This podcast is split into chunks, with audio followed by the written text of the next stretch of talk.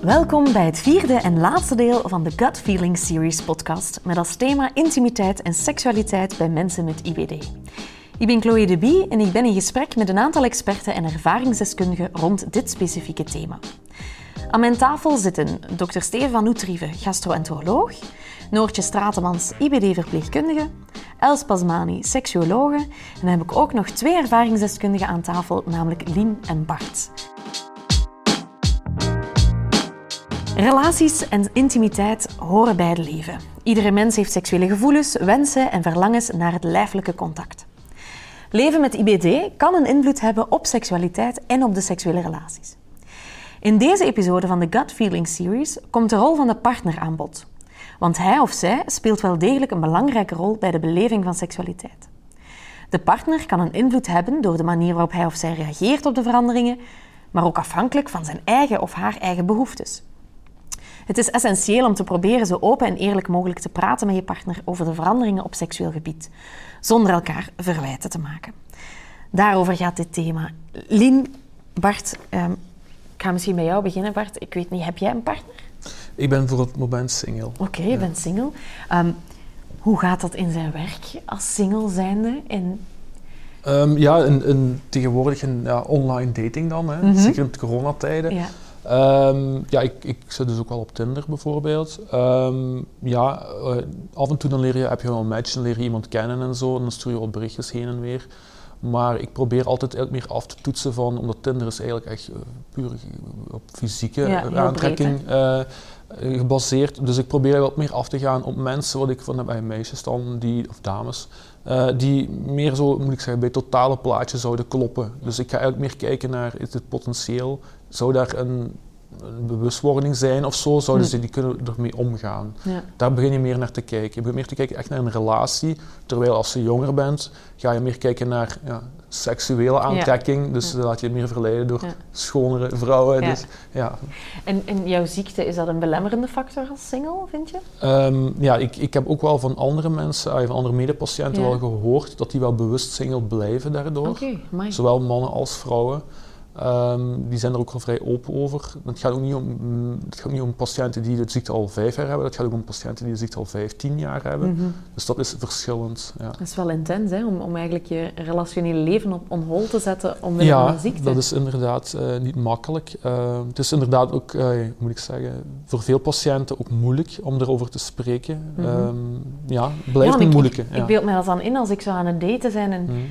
ja, is er dan zo een moment waarop dat je dan denkt en nu ga ik aangeven dat ik een ziekte heb? Dat ik, dat ik, um, ik maak het wel altijd bespreekbaar. Ja. Ik ga dat wel niet doen uh, via online dating. Mm -hmm. Dus mm. in deze periode is het ook wel iets moeilijker Moeilijk, geweest om ja. te daten, omdat ik dan echt wel uh, het fysieke contact, of moet ik zeggen, je gaat met iemand iets drinken of je gaat met iemand uit eten.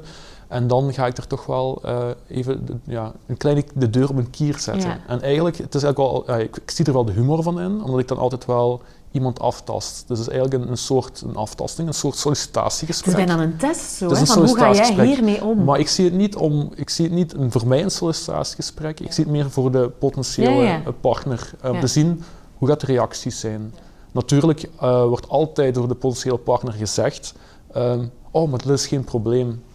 Okay. Dat, is zo, dat is een beetje um, ja, door onze maatschappij ook zo erin gedrongen van, ah, dat is geen probleem, uh, we houden daar rekening mee.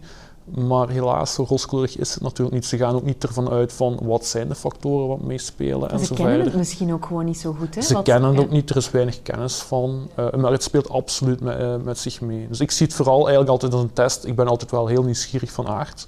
Dus op die manier, ik zie er ook al de humor van in. Ook, vroeger was ik meer onder de indruk van uh, de verschijning, laten we zeggen. Zo. Dus dat is wel iets van, oh ja, dan was ik al verkocht, laten we zeggen, ja, voordat we ja. op date waren. En als man, hè, dat, verdomme, het lukt weer niet, hè, of zo. Uh, dan liep je een blauwtje of zo. Nu, nu bekijk je dat op een heel andere manier. Dus ik probeer eigenlijk meer te kijken naar de relatie en het, het totale beeld. Ja, Dus ik hoor dat je, wel, hè, dat je ook wel voelt dat mede door die ziekte dat je echt wel op zoek gaat naar iemand die daar hè, ook emotioneel mee om kan en, en die dat pad met jou kan bewandelen. En dat het bijna een beetje, ik noem het nu test is, om te zien, is dit wel potentiële... Ja, ja. natuurlijk ook een test voor jezelf, natuurlijk ook. Maar ik, ik probeer het toch altijd wel bespreekbaar te maken. Ja. Uh, Lien, als ik het goed gehoord heb, jij hebt wel een partner. Hoe, hoe, zit dat bij jullie? Wat is, wat is de rol van jouw partner? Ja, ik denk dat ik ehm, ja, het geluk heb um, dat mijn partner heel begripvol is, omdat hij eigenlijk zelf ook um, IBD heeft. ja, we hebben elkaar daar ook, denk ik, uh, voor een stuk in gevonden. ik ben ook heel lang alleen geweest. Eigenlijk uh, ja, in, in de tien jaar dat ik de diagnose heb, ben ik negen jaar alleen geweest. En dat, dat is voor een stuk bewust, bewust geweest, omdat ik heel angstig was om um, niet gezien te worden als Lien, maar eerder als de ziekte. De ziekte. Um, en dan ja, heb ik dat altijd ook... Allez, ik heb dat altijd van mij afgeschoven om aan een vaste relatie te beginnen. Ik heb wel wat kortere relaties gehad. Um, af en toe in studentenleven ook wel wat one-night stands. Mm um, maar uh, ik ben nu wel heel blij dat ik dan ja, mijn partner heb leren kennen. Ja. Um, en het gemakkelijke is gewoon dat we elkaar kunnen verstaan zonder veel woorden. Ja. Hij, weet waar dat ik doorga. Hij weet ook hoe dat, dat voelt. Um, hij aanvaardt die stoma ook, omdat hij weet hoeveel controle dat we daarmee gewonnen hebben. Dus ja, ja voor ons. Ja, en, ik kan me dan voorstellen, als je dan een partner zou hebben die de ziekte niet goed kent, dat je dan misschien wat veel meer moet uitleggen aan die partner waar je doorgaat. Ja, die ervaring heb ik ook wel in, mhm. in het daten dan. Ik heb bijvoorbeeld um, er nooit voor gekozen om dat bewust te gaan vertellen. Ik heb altijd veel te lang gewacht. Ik heb heel lang gedate. En dan zo, als je elkaar echt al heel goed leert kennen en denkt van ja, dit gaat iets worden dan zat ik op het punt van, ja, nu ga ik het wel moeten vertellen. En dan heb ik dat altijd proberen te verkopen als iets positiefs. Zijn dat ik mij dan engageerde als patiënt in de patiëntenvereniging. Um, maar ja, dan uiteindelijk ja, kom je ook op moeilijke momenten. En daar um, ja, was het wel soms moeilijk. ja. Ja, ik kan me ook wel inbeelden, zoals je net zegt, van door in het datingsproces te zitten, ja, je geeft die andere plots ook iets waar hij of zij moet mee om kunnen. Ja. Of hij of zij moet beginnen nadenken van hoe ga ik hier, hoe, hoe moet ik hiermee omgaan en dat misschien niet altijd zo goed weten. Nee, en je hebt ook voor een, uh, bij mij was er altijd een angst dat ik de andere beperkingen zou opleggen door mijn ziekte. Um, waardoor dat ik die persoon dat dan niet wou aandoen. Ja, ja. Ehm, dus dan dacht ik, ja, dan kan ik het beter alleen verder blijven beleven. En dat speelde mee in, in het single blijven zo? Ja, ja, ja, ja, ja, absoluut. En dat speelde dan... Allee, ik ben dan eigenlijk plots verliefd geworden natuurlijk. Um, op, allee, op mijn partner dan. En dan had ik zoiets van, ja, hij gaat het wel begrijpen, want hij weet hij wat het is. Graag. Ja, ja, hij ziet mij graag met de ziekte. Hij wist het ook nog voordat we samen waren. Dus dat, dat is dan zo in elkaar gevloeid. En ja, Mooi, hè? Ja, ja, ja, absoluut. dus als ik, als ik Lien en Bart zo hoor, ja, de partner heeft daar toch wel een, een substantieel deel in, in, in, die seksualiteitsbeleving. Ik weet niet, Steven, zie jij vaak koppels op in de praktijk dan? Wel, ik hoop altijd dat de partner meekomt, want ik denk dat er een enorm gebrek is aan kennis, zoals je terecht uh, opmerkte, Bart. Het is een enorm gebrek aan kennis. En hoe meer dat men begrijpt, hoe gemakkelijker dat men mee kan gaan en kan anticiperen, mee kan gaan in het verhaal, begrip zal opbrengen voor de partner en uiteindelijk mee kan bouwen aan de relatie. Ja. Want er is vaak onbegrip, men verstaat het niet en men begint er van allerlei andere zaken achter te zoeken. Er wordt ook geanticipeerd van de persoon die inflammatoire darmlijden heeft van ik wil niet dat dit gebeurt of ik wil niet dat dat gebeurt of ik wil niemand tot last zijn, zoals jij zei. Terwijl dat er soms andere gedachten omgaan bij de, bij de partner. Mhm. En door communicatie ga je dat wel oplossen. En als men dan als koppel op consultatie komt, dan kunnen wij wel duidelijk maken wat het inhoudt. We laten ook ruimte voor vragen te stellen. Ook vanwege de partner, dat hij mee is in het verhaal vanaf het begin. Dat hij ook begrijpt waarom bepaalde medicatie wordt opgestart, wat de mogelijke gevolgen zijn en dergelijke meer. Dat is ook niet onbelangrijk. Ik ga het heel kort aanhalen in verband met zwangerschapswens. Want er is vaak een verkeerd idee dat koppels waarbij een van de partners inflammatoire darmlijden heeft, dat die geen kinderen zouden kunnen krijgen. Er zijn wel wat koppels die bewust kinderloos blijven omwille van de ziekte. En dat is natuurlijk fout. Er is geen enkel beletsel om, uh, om zwanger te worden. Wel kijken we samen graag naar wat de betere tijd is om, om zwanger te worden. Met andere woorden, als men opstootvrij is en dergelijke meer. En bepaalde medicamenten moeten ook op voorhand gestopt worden, omdat ze bij de mannen de, leiden tot tijdelijke fertiliteitsproblemen.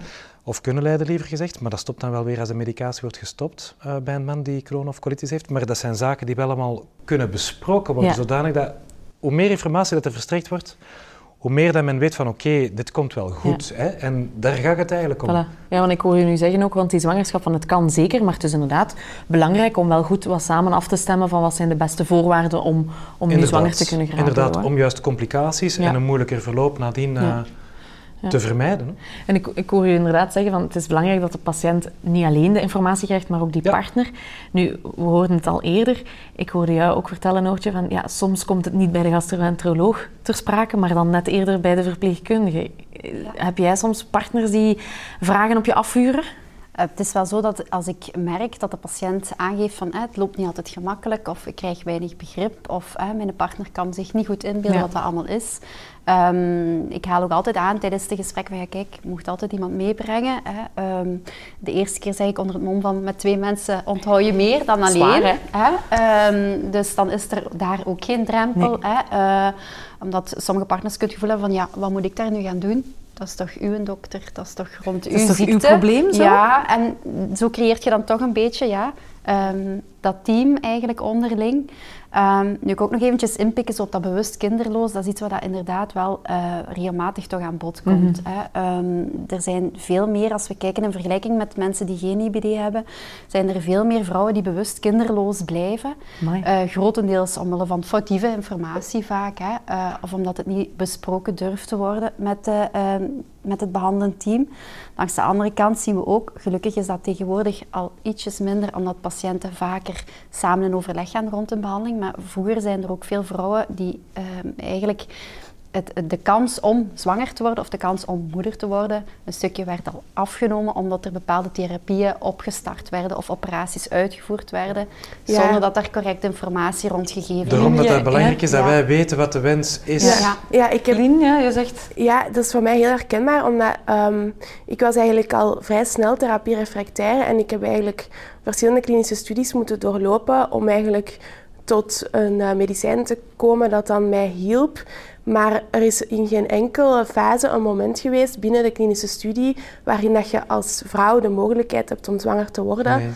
En dan ben ik eigenlijk dan op een punt gekomen dat ik heb moeten kiezen. Allee, ik was dan eigenlijk, mijn darm was onrustig en ik heb moeten kiezen tussen ofwel laat je nu opereren en kun je zwanger worden, ofwel moet je opnieuw voor een klinische studie gaan, maar dan ben je vertrokken voor opnieuw x aantal jaar. Um, waarvan dat je niet weet of het medicijn dan effectief um, op de markt komt. En dan heb ik voor mezelf, allee, samen met mijn partner, dan wel beslist van oké, dan hebben we geen andere weg dan voor die operatie te gaan. Maar dan heb ik wel gedacht van waarom heb ik hier dan de afgelopen vijf jaar zo hard gevochten? Waarom? Ja. ja. En, dat is heel frustrerend voor de patiënten. Hè. En, Uiteraard. En als, we, als we dan achteraf dat verhaal bekijken, denken we, het is jammer dat daar nooit op een moment besproken is geweest van, kijk, we gaan nu met een bepaalde studie beginnen, maar weet dat een van de voorwaarden is dat je tijdens die studie niet, zwanger mocht worden. Of um, um, gelukkig metotrexaat wordt niet meer zo heel veel gebruikt, maar dat er uitgelegd wordt aan patiënten, want tijdens die behandeling mag het absoluut niet, om zwanger te worden. Um, Patiënten zijn heel volgzaam, hebben ook vaak heel veel last van een ziekte, willen dat die ziekte onder controle is, dus nemen ook onmiddellijk de oplossing aan die de behandelend arts voorstelt. daar worden ook geen vragen rond gesteld. Alles wat hen op dat moment beter kan maken is goed. Pakken ze met beide handen Pakken vast. met beide handen vast. Terwijl ik denk dat het belangrijk is dat langs onze kant daar toch af en toe de, de kanttekening gemaakt wordt van weet, kijk, deze therapieën zijn er, dat hoort bij die therapie, denk hieraan. Um, daarin is volgens mij ook heel belangrijk dat je als IBD-team je patiënten kent. Dat je weet, wat speelt in dat leven? Is dat iemand die vertegenwoordigd is, die continu op de baan zit, hè, die niet die optie heeft om continu naar het toilet te lopen? Ja, maar ik denk dan ook um, onmiddellijk aan, dan moet je niet alleen je patiënt kennen, maar ook het koppelstuk ja, daarin. Hè? Zeker. Sowieso, sowieso. maar dat zijn ook vragen die tegenwoordig toch in heel veel uh, IBD-klinieken worden gesteld. Ja, is er een zwangerschapswens? Hè? En dan kunnen wij de therapie daarop teleren.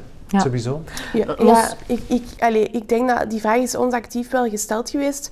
Maar uiteindelijk heb je daar als patiënt geen vat op. Hè? Mm -hmm. Nee, het probleem met studies is natuurlijk dat het een exclusiecriterium is en je moet zorgen voor correcte anticonceptie, omdat je anders niet mag meedoen, omdat men een nieuw medicijn test. Dat is natuurlijk ook een voortschrijdend inzicht. Ja, en maar de grootste frustratie is vooral dat je als jong koppel geen spontane zwangerschap kunt starten. Ja. Je moet eigenlijk met de vraag Luisteren eerst gaan... naar wat naar het, het ja. protocol zegt, ja, dat is een drama. Hè. Ja. Dus er is wel een impact op inderdaad die kinderwens en, en zwangerschap. En ook daarbij komend op je seksualiteit. Want je moet gaan nadenken over anticonceptie, wat ook van belang is. Ja.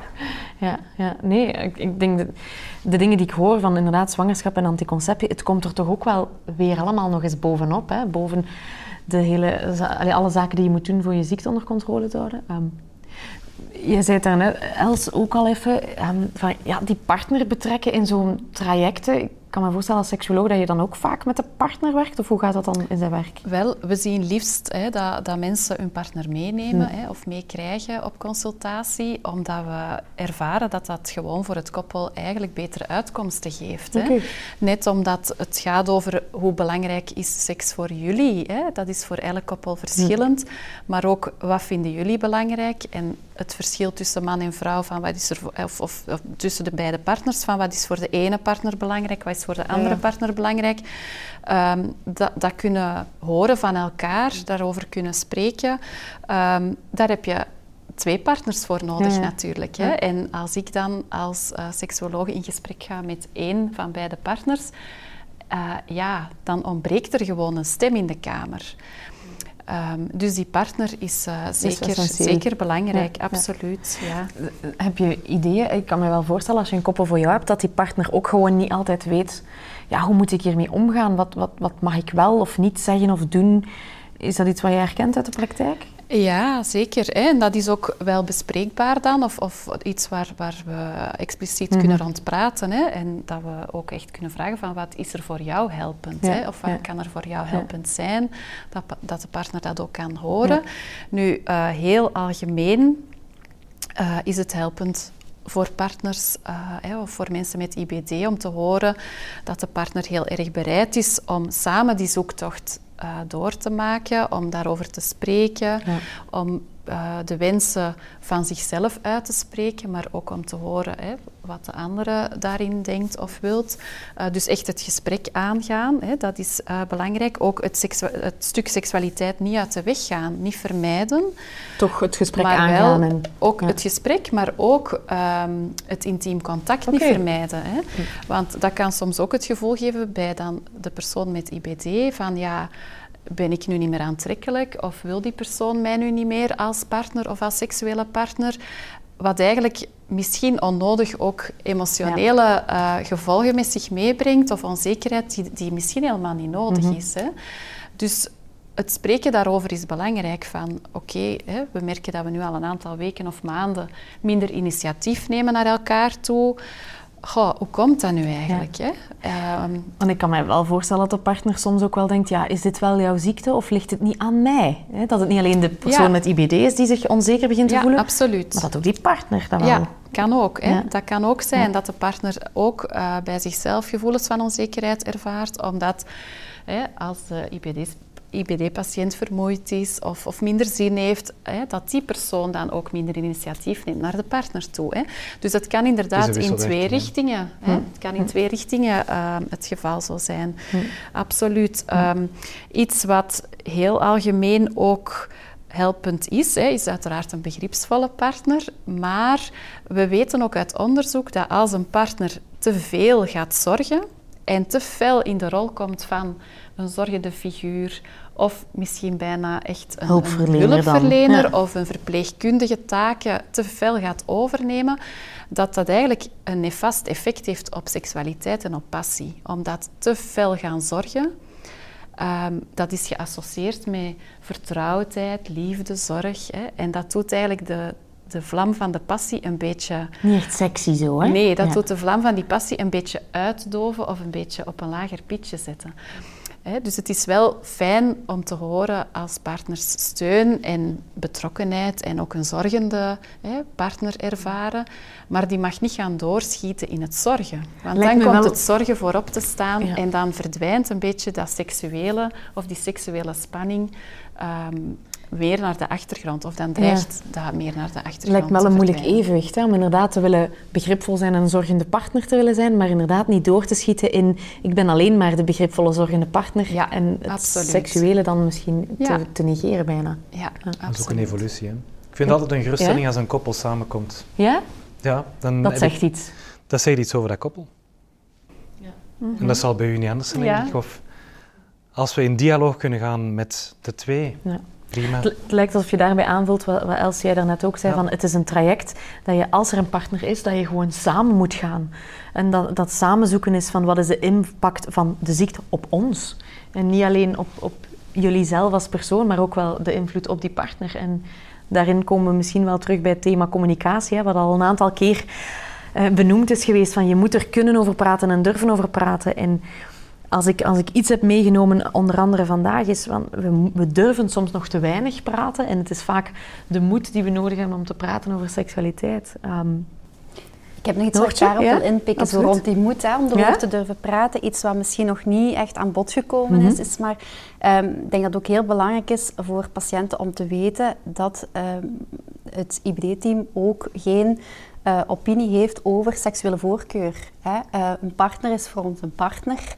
Um, uiteraard, of dat het nu man-man is, man-vrouw, vrouw-vrouw. Die seksualiteitsbeleving is individueel, ongeacht hoe het koppel hè, uh, samengesteld is.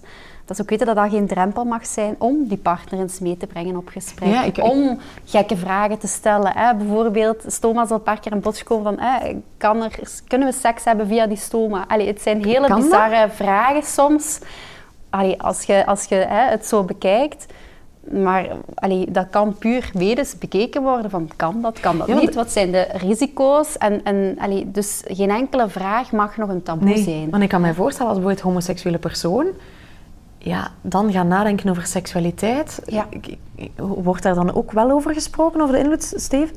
Uh, dat is een uh, zeer moeilijk. Ik heb enkele homoseksuele koppels die inderdaad, uh, waarbij een van de partners gekend is met inflammatoire darmlijden. Er zat nu wel niemand bij die een uh, stoma had, maar ik heb wel soms de invloed van medicatie gezien mhm. daarop. En waarbij dat het ook bij een van de mensen met uh, colitis op mentaal vlak helemaal misliep door een van de geneesmiddelen die was opgestart. Dus ja, dat komt zeker aan bod, natuurlijk. Ja, ja, ja. het is inderdaad... Het is, het is uh, geen, geen uh, gemakkelijk iets, maar het is inderdaad heel belangrijk dat we de opening laten. Dat we zeggen van kijk, alles mag en of moet bespreekbaar zijn. En heb absoluut geen schroom om uh, in dialoog te gaan. Absoluut niet. En niet alleen dialoog met je partner, maar ook met de hulpverleners rondom jou. Van durven te vragen. En uiteraard de oproep aan de hulpverleners om het zelf ook hè, proactief ter sprake te brengen.